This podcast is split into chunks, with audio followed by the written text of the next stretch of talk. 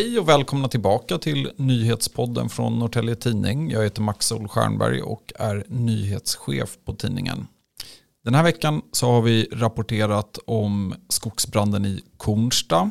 Men det är inte därför vi poddar utan veckans stora händelse det är egentligen något som inträffade förra veckan.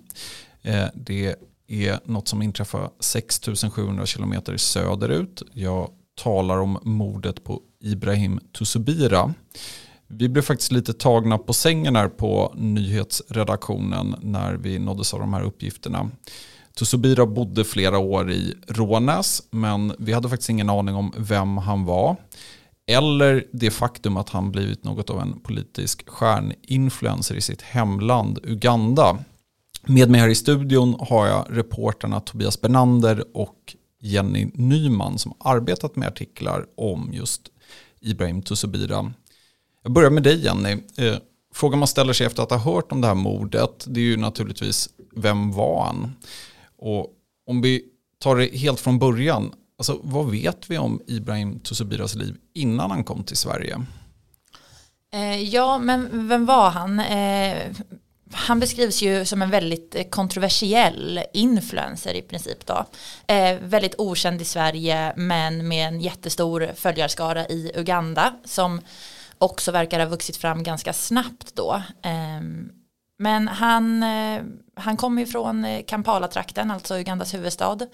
Och eh, innan han kom till Sverige så har vi inte supermycket information men han verkar ju inte ha levt ett väldigt flott liv så att säga utan det handlar ju mycket som vi har förstått det om att han ja, men lämnade Uganda för att söka lycka utomlands. Eh, och han ska enligt en nättidning som heter Monitor som har en eh, edition i Uganda eh, har arbetat som målare där men då inte tjänat några stora förmögenheter på det direkt. Mm. Vad, vad förde honom till Sverige och vad vet vi om vad han gjorde här? Ja, men som sagt, eh, exakt varför han kom till Sverige vet vi ju inte men, eh, men vi vet att han inte hade ett så eh, toppenliv i Uganda och ville mm, försöka nå större framgångar utomlands. Så han ska ha lämnat Uganda 2005 och ett par, tre år därpå så ser vi att han dyker upp i den svenska folkbokföringen. Och här så har, alltså, vi, har inte, vi har inte jättemycket information om vad han har gjort i Sverige. Vi har mer information om vad han inte har gjort tänkte jag säga. Mm. Eh, vi vet inte om han någonsin lyckades få ett jobb men vi vet att han har gått på försörjningsstöd under perioder. Eh, han har inte pluggat någonting så vitt vi eh, har kunnat se. Så att eh, ja, vad, var frågan från början? Det var många delfrågor. Nej, men vad gjorde han här? Men jag ja, vad gjorde han? Ja. ja. vi kan bolla över till um, Tobias Bernander som uh, också tittat mycket på uh, hans tid här i Sverige. Uh, och vi har ju kunnat berätta om en väldigt dekig tillvaro i Rånäs. Eh, och det baserar vi ju dels på att ha pratat med folk där men vi har också kollat på rättegångshandlingar. Och, Kronofogden och socialtjänstens arbete? Alltså, vad är det vi har hittat egentligen? Ja, alltså vi har ju hittat en person som levde under svåra sociala förhållanden helt enkelt. Större delen av tiden så bodde han i ett hyreshus i Rånäs och eh, från den här tiden så finns det ju också ett antal domar, det finns handlingar från Kronofogde och sådär. Men det mest allvarliga var ju att han gjorde sig skyldig till en misshandel som åklagaren ville ha till grov också ska tilläggas. Eh, där han hade eh, slagit och sparkat en annan man på en, eh, en krogtoalett i Stockholm.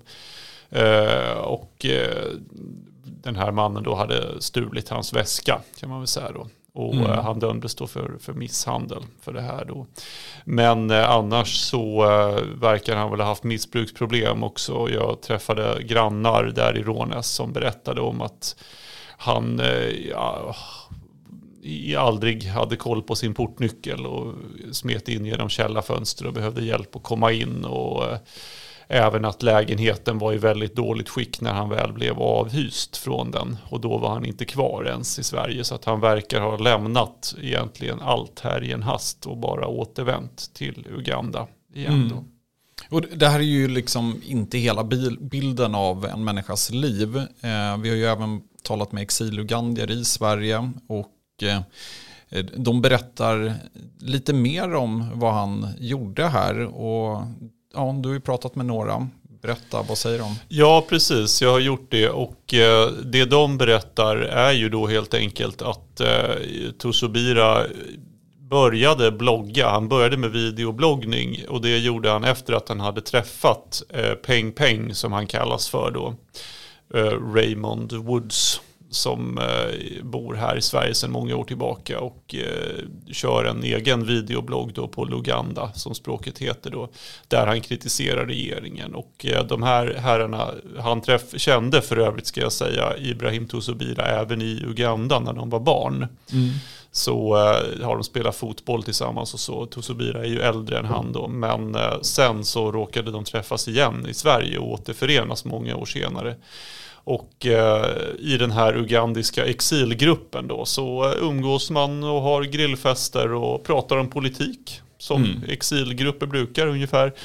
Och eh, Peng Peng, eller Raymond då, beskriver eh, Ibrahim Tusobira som väldigt intelligent och eh, verserad och eh, engagerad i olika politiska frågor. Att han pratade väldigt mycket och var väldigt sådär engagerad. Och eh, då så föreslog Peng Peng att eh, ska du inte börja med att blogga och videoblogga istället och föra ut det här liksom till dina landsmän.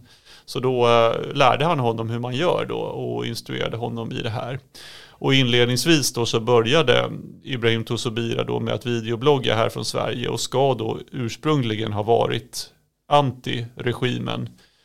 Men vid någon tidpunkt så ska då regimen ha tagit kontakt med honom. Alltså den ugandiska regimen under Yoweri Museveni, någon del av den, ska ha tagit kontakt med honom på internet och sagt att hörru du, du lever ju ett eländigt liv här i Sverige. Kom hit till oss istället och eh, börja sprida vår propaganda, börja jobba för oss istället. Så ska vi se till att du får ett bättre liv. Så man, man kanske kan säga att det här är det finns många tragiska historier om folk som har börjat blogga eller eh, göra YouTube-filmer med någonting trevligt på. Men det har inte gett så värst många likes. Och sen när de plötsligt då har börjat sprida högerextrem propaganda eller äta äckliga saker så har de plötsligt fått jättemånga likes. Och, och så har den här det som kallas audience capture varit igång. Och det här exemplet då där man dessutom får en bil och pengar och hela sitt uppehälle och världens stjärnstatus från regeringen. Det är ju liksom audience capture på steroider. Hej, Ulf Kristersson här. På många sätt är det en mörk tid vi lever i. Men nu tar vi ett stort steg för att göra Sverige till en tryggare och säkrare plats. Sverige är nu medlem i Nato. En för alla, alla för en. Vi är specialister på det vi gör precis som du. Därför försäkrar vi på Swedea bara småföretag, som ditt. För oss är små företag alltid större än stora och vår företagsförsäkring anpassar sig helt efter firmans förutsättningar. Gå in på swedea.se företag och jämför själv. Jag tänker att vi lyssnar på Peng Peng som eh, berättar om just eh, Tusubira. He was just unpredictable.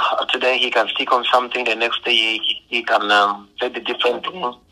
I think it's the reason why he's been killed because at a certain point people believe, okay, he's been working for the government, but time came when he has been like exposing the government officials.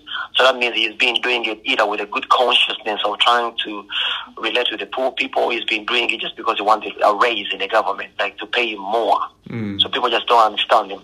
Mm. Why all of a sudden he died when they, they, tried to change, trying to come back to the side where people found him. Because the government found him when he could stick to the poor people. And then he tried to like sometimes expose the government officials who are corrupt and stuff like that. And you know, we live in a very bad situation where you cannot, the government can't pay you, pay your bills, your, your fuel, where you live, accommodation, and you try to, to, to, to expose it at the same time. So he's been playing a bad game. Mm. Mm. Yeah. So time came when he played a bad game, like trying to expose the government at the same time he's trying to stick with the, with the poor people. So that costed him his life. Alltså, Tobias var ju inne på det här i eh, om hur liksom Ibrahim Tusobira gick från att ja, vara det som jag betraktar som ett socialfall i Rånäs till att bli en politisk celebritet i Uganda. Men du har ju talat med eh, eh bland annat en expert på Uganda. Och, alltså, hur gick den här resan till? Hur är det ens möjligt? Eh, ja men det är mycket som det Tobias redan har varit inne på. Eh, jag pratade med en kulturantropolog på Uppsala universitet som heter Sverker Finström. Och han, han berättar efter att ha haft kontakt med eh, kollegor i Uganda att när Ibrahim Tusubira då kommer till Uganda så är han inledningsvis med oppositionen och med den, han stöttar den eh, oppositionsledaren Bobby Wine då som ja, också har varit väldigt uppmärksammad de senaste åren. Men någonstans så blir han så att säga köpt av regimen.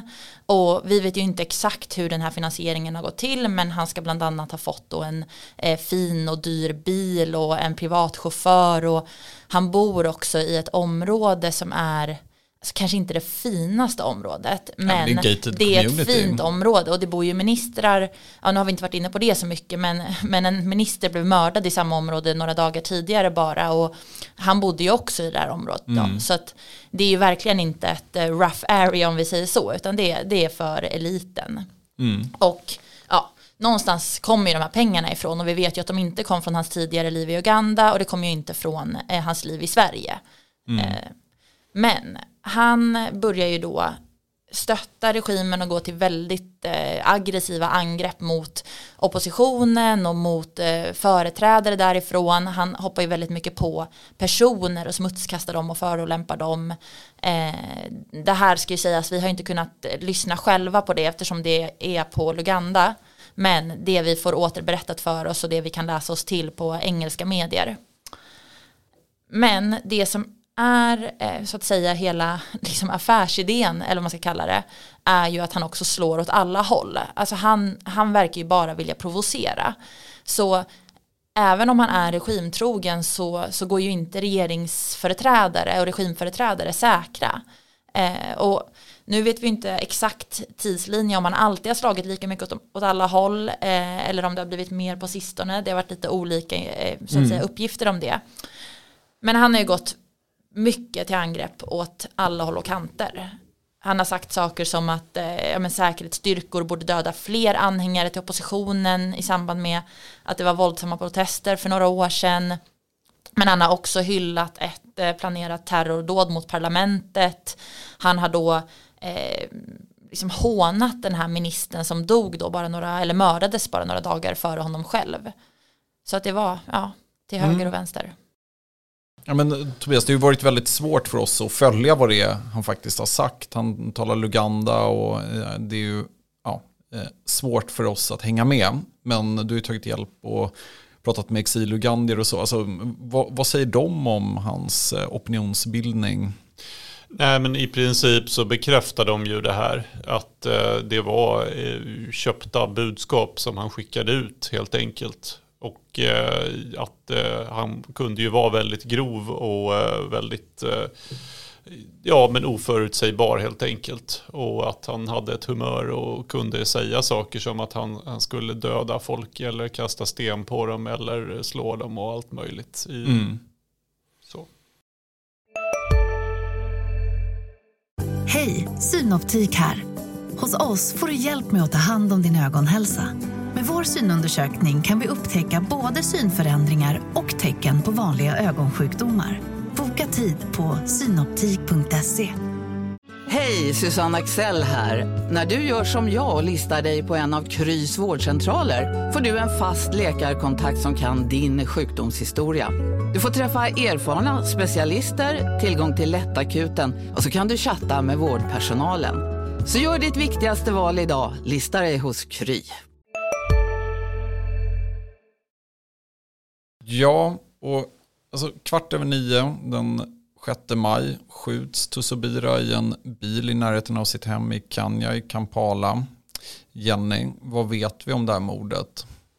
Ja, men det man kan säga om mordet är ju att eh, det verkar ha varit väldigt välplanerat. Eh, han blev ju som sagt skjuten till döds nära sitt hem i eh, stadsdelen Kianja eh, i Kampala. Och han satt då i bilen med sin chaufför och den här chauffören klarade sig också helt oskadd. Eh, så han har ju plockats in för att vittna sen då i efterhand.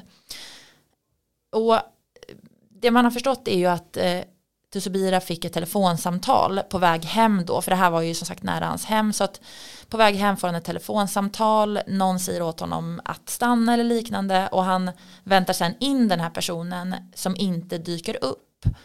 Och det är väl inte helt klarlagt än kopplingen mellan det här telefonsamtalet och sen mordet, men ja, det, det ingår väl då i, i den här utredningen. Eh, vi har också fått uppgifter om att mördarna ska ha väntat i eh, två timmar utanför hans hem på att eh, ja, helt enkelt kunna skjuta honom till döds och när han väl är hemma så är det ju precis det som händer också. Mm. Och det är två personer som är gripna enligt ugandisk polis. Ja, precis. En sak som kan vara bra att ha i åtanke också när man eh, ja, pratar om de här uppgifterna om mordet eh, det är som då eh, kulturantropologen Sverker Finström nämnde att mycket eller nästan all information nu kommer från den ugandiska polisen och det finns väldigt stora problem med korruption inom polisen. Så att det är lite vanskligt att basera mycket uppgifter därifrån. Och ja, som han sa att eh, nu får man ha lite is i magen och så får vi helt enkelt se eh, ja, vad, vad, som kommer fram mm. framgent. Men det här, det har ju väckt alla möjliga teorier, men vad kan man säga om det här motivet? Vi vet inte vem som ligger bakom det här. Det är oklart vem som ligger bakom det här, men eh, det har ju sagts från några håll att regimen skulle ligga bakom det. Det har också sagts att eh, det, han slog åt alla håll och kanter och att det finns väpnade grupper i samhället som eh, kan agera så här. Och eh, Peng Peng som jag pratade med, han sa ju att det här är en varning. Det här är liksom eh, någonting som kan hända och att många är rädda och rädda för sin egen skugga och sådär. Och själv så kände han instinktivt att han ville flytta härifrån när han fick höra det här. Det är en signal och sådär, sa han. Men som sagt, vi, vi vet inte vem som är ansvarig för det här. Mm. Nej, och det, det, får man säga om mycket av den här informationen som kommit oss till, del, till del. Det är ju ett knepigt land att rapportera från och om. Vi befinner oss väldigt långt bort från de här händelserna och vi är ju väldigt beroende av uppgifter som eh, ugandiska medier egentligen publicerat när det kommer till de här händelserna.